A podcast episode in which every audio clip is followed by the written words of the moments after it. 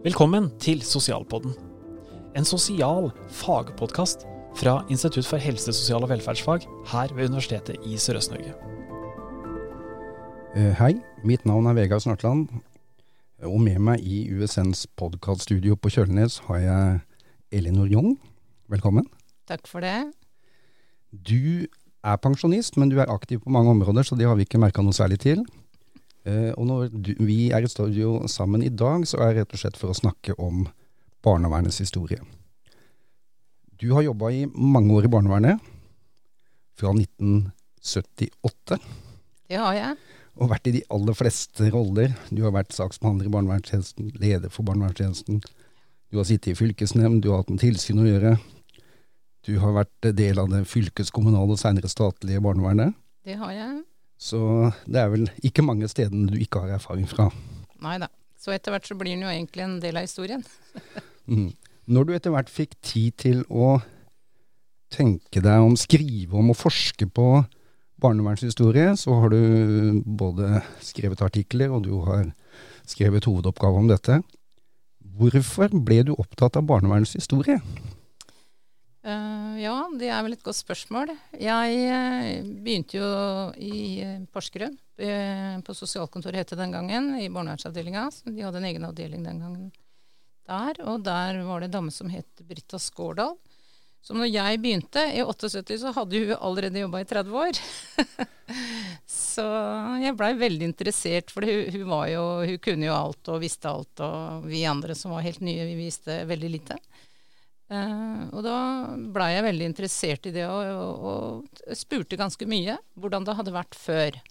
Eh, og når jeg kom da mange år etterpå og skulle skrive denne boka som jeg skrevet, så gikk jeg tilbake til henne, da var hun ganske gammel, eh, og spurte enda mer systematisk. Og blant annet så begynte jo da i 43, jobba hun altså ute på Lillegården barnehjem den gangen, som var for taterbarn, og dette var jo under krigen var veldig spesielle forhold. Eh, Så hørte jeg henne fortelle da, hvordan det var der ute på disse barnehjemmene. Og blant annet, eh, jeg skrev denne boka akkurat rundt 2001, da det kom eh, veldig mye kritikk mot alle barnehjem i Norge. Og da var jeg veldig interessert ja, hva skjedde egentlig? Så hørte jeg henne fortelle, da. Ja, Så- så, så- så barnehjemma er kanskje det sentrale. Eh, hvis du skulle hente fram én ting, før vi går litt mer i detalj på de forskjellige tinga, som, Mm. som overraska deg, eller som ble veldig tydelig for deg i forskninga di og arbeidet med boka? Ja. Nei, altså det som, eh, som Om det ikke var en overraskelse, så er det i hvert fall noe med de barna som eh, Det er en stor forlatthet i forhold til de barna som vi så eh, Som jeg leste om da, og som jeg hørte om også, i forhold til barnehjemsplasseringene. Eh, Det var jo den ene sida av det. Og, og, og også hvordan de hadde veldig dårlig kontakt eh, med foreldrene sine. Og dette var eh, Jeg mener at det var en del sånn bevissthet rundt det. Så jeg hørte en del historier om det. Jeg intervjua jo mange som hadde vært på barnehjem, og hvordan de fortalte også at foreldrene ikke fikk lov å komme, rett og slett. Så det var jo en spesielle situasjoner. Eh, Det var den ene sida av det, men den andre sida var jo også det at eh, jeg snakka med mange som hadde jobba der. Eh, Og det som er helt klart, er at det var mange som ofra livet sitt. Altså de jobba der hele livet, og de var veldig dedikerte. Og gjorde sikkert en strålende jobb ut fra sine premisser. Så det var jo den ene sida av det. Og den andre sida av det var at jeg hørte også de historiene om, om overgrep og, og mishandling. Så det var liksom begge deler. En veldig dobbelthet. Og det er jo det som også kommer fram i disse granskingsrapportene etter hvert. Så, så det er jo den veldig triste historien. Og så syns jeg nok at uh, du vet, Vi som vokste opp i pent møblert hjem, vi fikk jo utdanning og, og kom oss i arbeid. Mens uh, disse barna, da, som kunne være også på min alder den gangen, de uh, fikk jo ikke noe utdanning. De blei liksom forlatt i en sånn type system. Det var noen av de barnehjemma som hadde veldig systemer, faktisk. F.eks. på Rjukan, hvor de eh, hadde et eh, barnehjem som het Migland barnehjem. Der lå jo Hydro og hadde aktiviteten sin. Og, på og der støtta Hydro veldig opp under det barnehjemmet. Og blant annet så alle guttene som var der, de fikk jo plass på Hydroskolen. Og de blei jo utdanna og fikk seg flotte jobber og gikk bra, ikke sant. Mens veldig mange steder så var dette veldig taslete, og det gikk dårlig med mange av de barna her. Ja. Eh, vi kommer tilbake til barnehjemma. Det er jo helt sentralt i det du har forska på og skrevet om. Hvis vi skal stille spørsmålet har liksom barn hatt det vanskeligere også for lang tid siden, å flytte liksom blikket helt tilbake til Ja. kall det antikken, om en vil? Ja.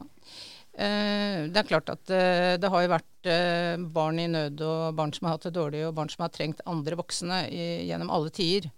Eh, og dette har vel stort sett da blitt ivaretatt av kanskje si familie, eh, altså grupper, andre grupper i samfunnet. Men eh, det er ikke bare det. Det var faktisk sånn at helt tilbake til antikken, altså Paulus, 50 år etter Kristus, så skriver John Boswell en, en bok hvor han fremhever dette med barn som slaver. Da, altså at barn blei solgt, rett og slett.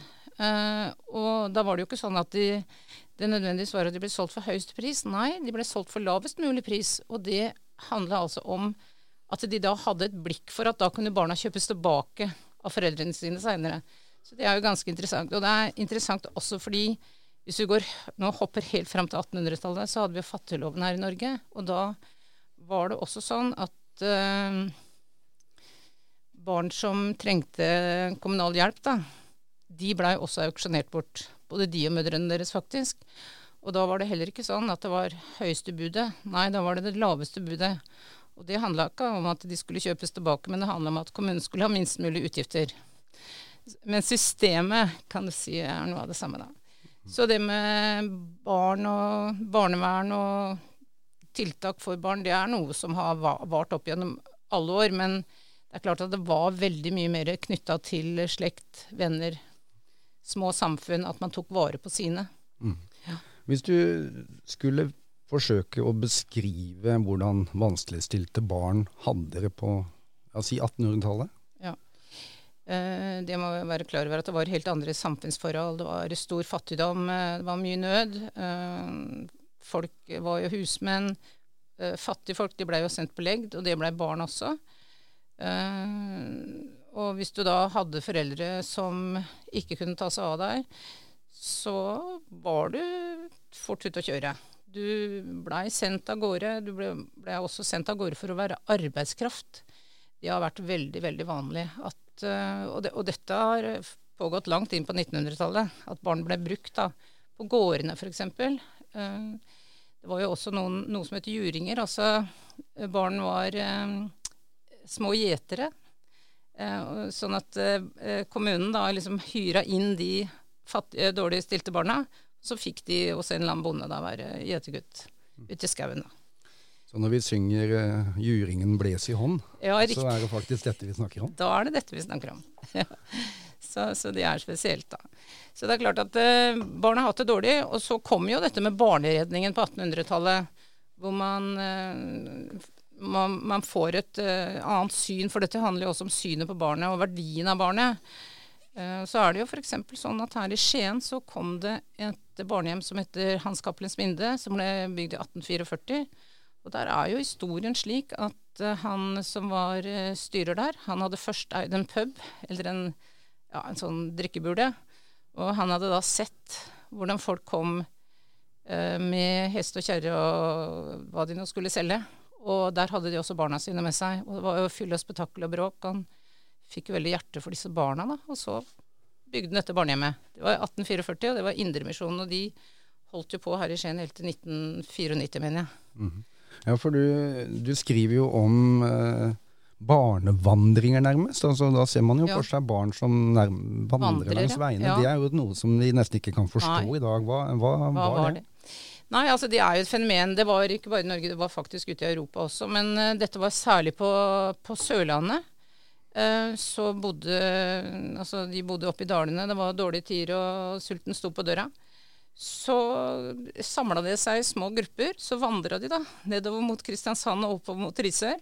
Og så fikk de altså jobber da eventuelt på gårdene. Så dette var liksom våren og sommeren, og så reiste de hjem igjen da om vinteren. Det er det som kalles de store barnevandringene. Og dette foregikk også, også ute i Europa. I de store byene der så kunne man se ansamlinger av barn da, som tigde. Og, ja. så, så, det var jo helt andre forhold. Eh, men samtidig da, så kan du si at eh, det var det også det med juringer. altså De prøvde jo på en måte da å lage et slags system.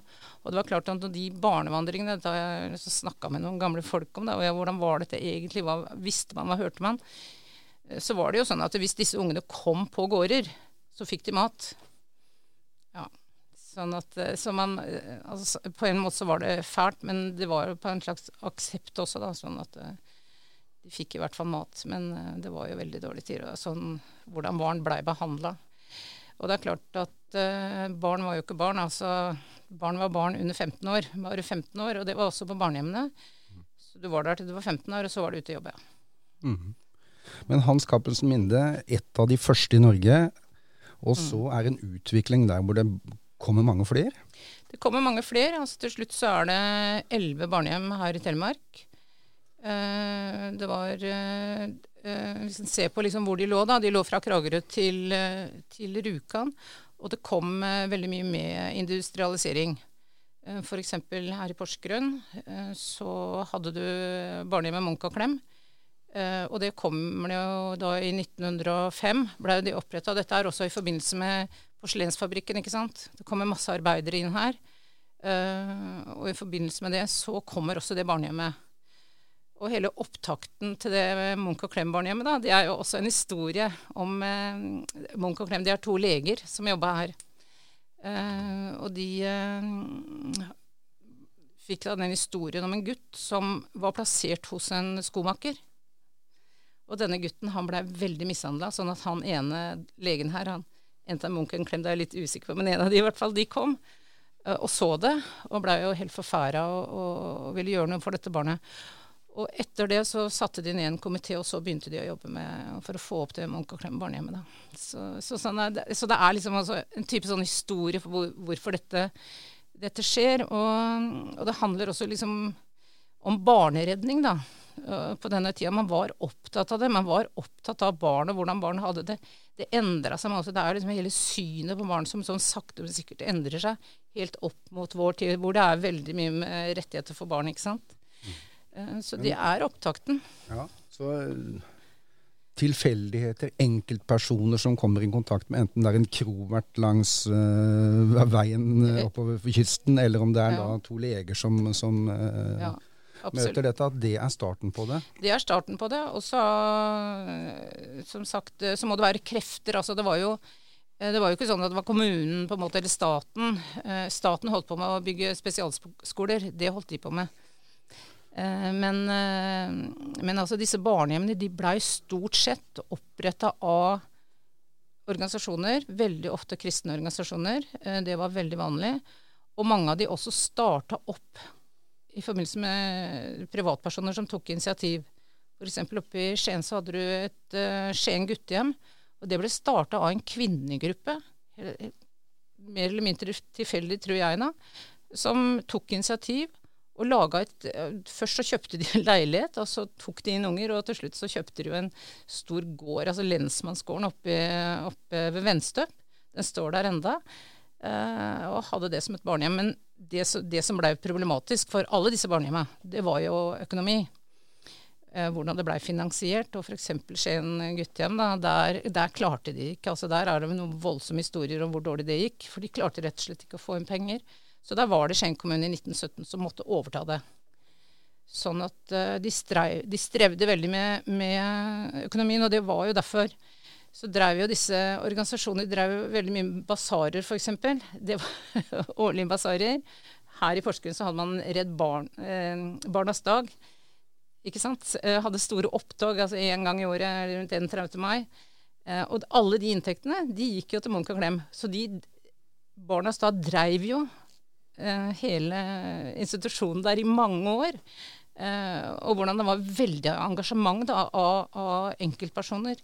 Og F.eks. i den boka mi så har jeg et bilde av Det er et kort av noen barn, altså et slags sånn takkekort. Hvor det er eh, Hagebyen velforening da, som får dette kortet av Munch og Klem. Og da Hagebyen velforening, altså de samla inn penger og ga til Munch og Klem.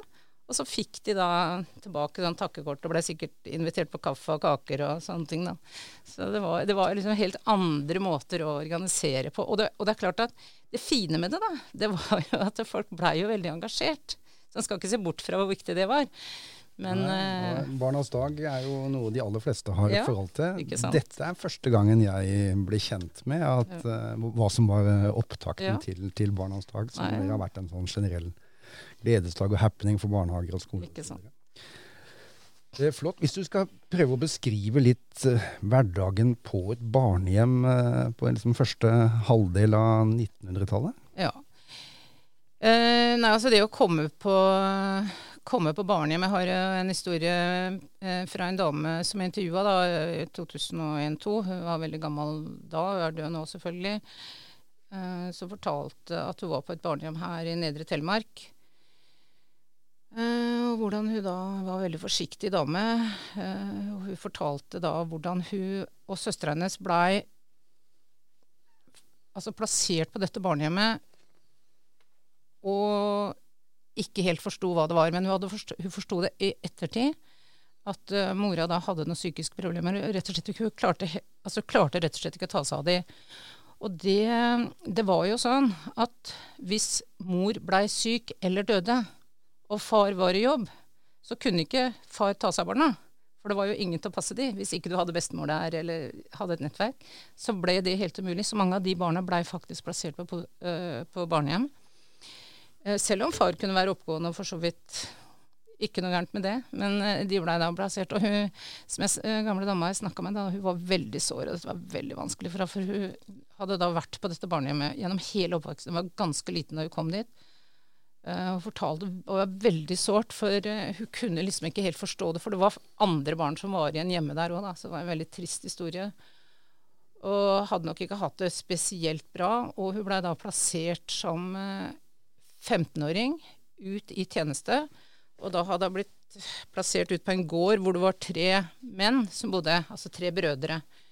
Og det er klart at hun sa det ikke, men eh, det hadde vært en veldig dårlig historie. Hadde blitt veldig, eh, veldig, veldig dårlig behandla der. Og, og hun sa det da var veldig sånn rolig, men sår måte at så måtte jeg flytte derfra. Og så hjalp de meg til å få et annet sted. Sånn at uh, dette var hårabud. Og jeg, uh, det var jo en del av den oppveksten. Altså når de da skulle ut og jobbe, og særlig de jentene. altså Hans Cappelens Minde var jo Det var jo et uh, pikehjem. Det var bare jenter der. Og de, eh, ble, de var jo på en måte I Skien da, så ble jo de eh, nesten berømte fordi de var så gode hushjelper. Men eh, jeg har jo lest protokollene der, og har jo også sett at de blei plassert ut, familier, særlig gårdsbruk, og kom tilbake. Og noen av de kom tilbake gravide. Så det var jo hårabud. Det er klart at dette var ikke lett. Og på Skien guttehjem, eh, der var det sånn at de blei De var jo også berømte i, i Skien fordi de var så gode gårdsgutter. Altså da, og da kan du snakke om altså Da fikk de en sånn type opplæring, da. Uh, melking og hva det nå var, alt sammen. Så de uh, fikk seg nok jobber rundt omkring uh, på gårdene her. Men som sagt, det var ikke veldig mange som fikk utdanning utover det. Nei, så Arbeidslinja ville vi kanskje kalt det noe sånt i dag, men at Helt det å skulle kunne bli som du sier, dugende gårdsgutter eh, Ja. eller, husmø eller husmødre eller hushjelper, at, det, at det var hovedinnholdet ja. i, i læringa, og kanskje også Ja. Oppdragelse knytta til moral og god oppførsel og sånne ting, at det var sentralt. Ja da. Og de, og de var eh, Det som jeg syns jeg hørte en del historier om også, det var at de kunne bli relativt isolerte da, inne på disse barnehjemmene. At de på en måte lekte med hverandre og var med hverandre og var lite ute blant andre barn. Eh, De, noen av de hadde jo dårlig rykte. Eh, og jeg hørte mange historier om det med mat, f.eks. Nå er vi liksom inne i vår tid, da, 50-60-tallet også.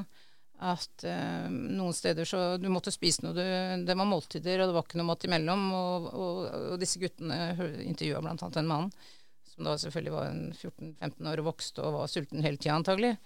Og da var det ikke noe mat å få. Så de stjal jo mat på butikken. Så det er klart at det er, eh, det er en del stygge historier her. eh. Og, og, og som sagt, altså, disse barnehjemmene hadde dårlig råd. Det var rett og slett ikke økonomi eh, mange steder. Så, så det, var, det er veldig mange triste historier. Og så er det noen fine innimellom, da. Som en, det var også på Milan, f.eks. For Hun fortalte Jeg snakka med henne, så sier jeg ja. Eh, det var en kokke der som hadde blitt bestyrt inne til slutt, og da var det nok ikke så mange igjen der, for de ble jo lagt ned noen år etterpå. Så sier jeg det at eh, når de gikk på skolen, da, så fikk de liksom komme hjem i friminuttet. Det var ikke så langt unna skolen. Og da, hadde, og da fikk vi alltid knekkebrød med ost, og tok imot oss, og det var veldig Var så glad i den kokka. Så det var helt rørende. Men så forteller hun hun blei ja, 16 15-16 år, og så hadde de Dette var en som var fra Skien, og da hadde de opp, eh, altså fått opp Grønland pike.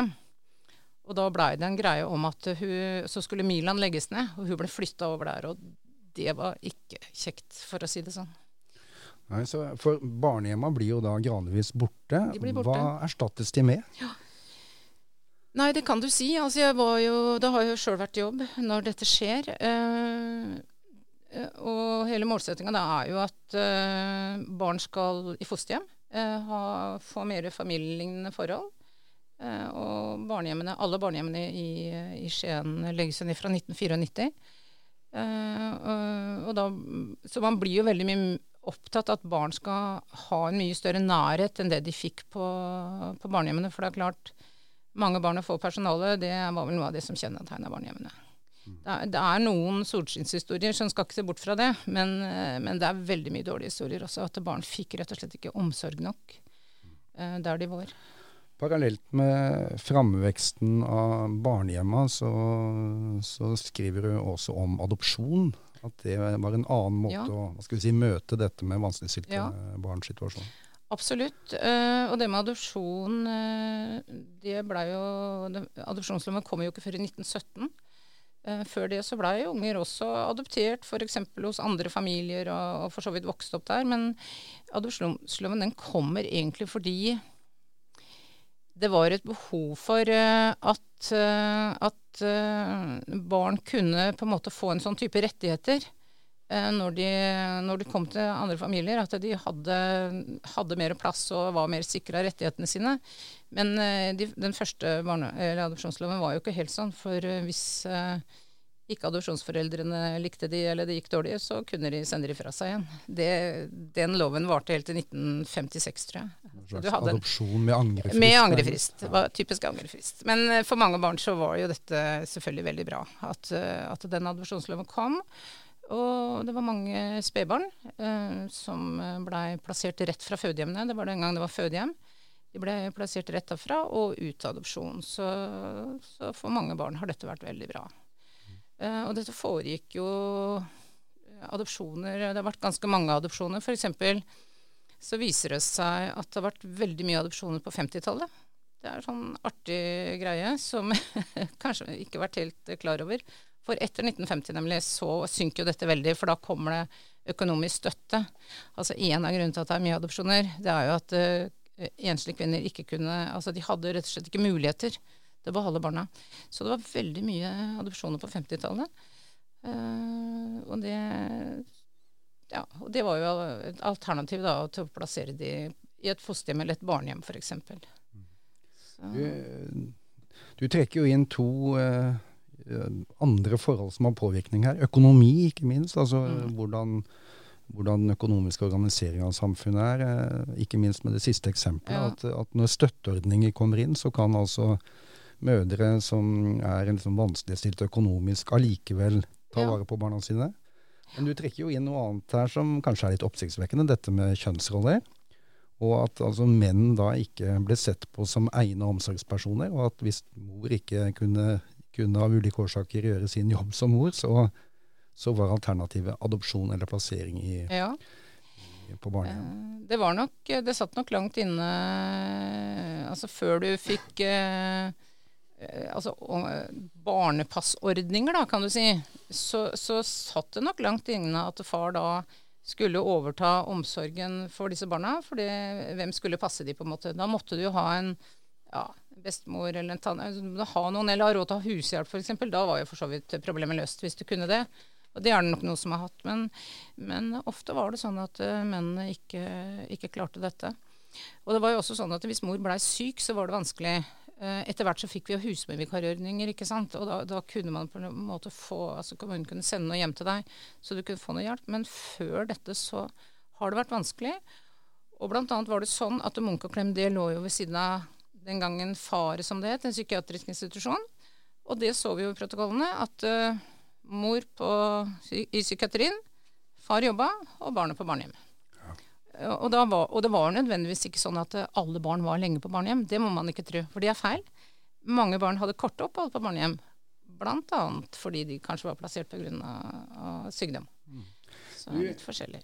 Eh, sånn, som vi, sånn som vi følger historien, så ser vi da at barnehjem eh, da er private initiativ, foreninger. Eh, etter hvert så overtar det offentlige flere og flere, og så til slutt fullstendig. Eh, fortell litt om den prosessen. Mm. Eh, dette skjer jo veldig mye utover på 80-tallet. Så blei det jo eh, fylkeskommunen som tok over eh, altså alle institusjonene etter hvert. Jeg tror det er fra 84. Uh, og det handla jo veldig mye om bl.a. økonomi. Altså disse private uh, institusjonene de hadde rett og slett dårlig økonomi. Det var vanskelig å finansiere det. Uh, og det var også noe med bemanning og utdanning blant personalet å gjøre. Uh, det er klart at uh, fra tidlig av så, så var det jo Altså det var jo folk som hadde interesse, brydde seg om barn. ja, det var jo ikke noe utdanning. Det kom jo først langt ut på 50-tallet, egentlig. Så, så, når kravene blir større, så må staten inn og overta. Så i dag så er det jo et stort krav til utdanning i alle typer institusjoner. At et visst andel av personalet må ha. Men sånn var det jo ikke før. Da var det mer interesse. Eh, og det, var, det er klart at da fikk du også personer inn som absolutt ikke skulle være der. Det er det jo ikke tvil om. Mm. Mm. Det offentlige overtar. Eh, man utvikler og omarbeider lovverk, retningslinjer, forskrifter. Eh, mm. Det ble oppretta tilsynsmyndighet osv. Så videre, så sånn sett så bygger man jo opp et, et stort uh, hierarki og, og, en formalisering. Og det uh, er det sikkert mye positivt å si om. Du har jo da vært en del av den prosessen i mange år. Uh, hvis vi sånn avslutningsvis skulle allikevel våge oss å tenke litt på mulige negative konsekvenser av en sånn mm. utvikling. Ja. Ja, altså En ting som jeg syns uh, kanskje har uh, gått for langt, da, det er at uh, absolutt alle institusjoner for barn er jo lagt ned. og det er det ikke sikkert er helt heldig. Mange barn har, det, har store skader når de blir plassert. Altså de er skada hjemmefra, eller de har genetiske ting. og er rett og slett vanskelig plasserbare i vanlige hjem. og spørsmålet er jo da ja, hva hva med de? Så, så jeg tror nok at uh, fortsettelsen av dette kanskje blir bli at man må opprette noen former for institusjoner. Ikke slik de var med store institusjoner med veldig mange barn. Det er helt uaktuelt. Men kanskje andre typer institusjoner. Det tror jeg. Mm. Helt til slutt, eh, Elinor. Eh, hva bør vi ha, ha, med oss når det gjelder det å lære av historien? Mm. Nei, først og fremst så tror jeg at en må lære at uh, det å ha omsorg for barn, uh, det er interesse og engasjement. Uh, og at man er klar over at det også kan være en veldig stor belastning. Sånn at de som jobber med utsatte og sårbare barn, de trenger også veldig mye støtte. Jeg tror på de barnehjemmene hvor dette gikk over styr, så tror jeg ofte at det handla om det, at folk blei helt utslitte, rett og slett. Eh, og at det ikke var bra, og at det ikke var noe tilsyn, at man hadde ikke noe veiledning. Hadde, altså Man var liksom ikke noe system, at man var veldig aleine, da. Og det tror jeg altså f.eks. gjelder veiled, eh, fosterhjem, da. At eh, det er behov for veldig mye oppfølging. Og det må man ikke glemme. Det tror jeg kanskje er læringa her. Takk skal du ha, Elinor, for, eh, for den oppsummeringa og for en veldig spennende barnevernfaglig historietime.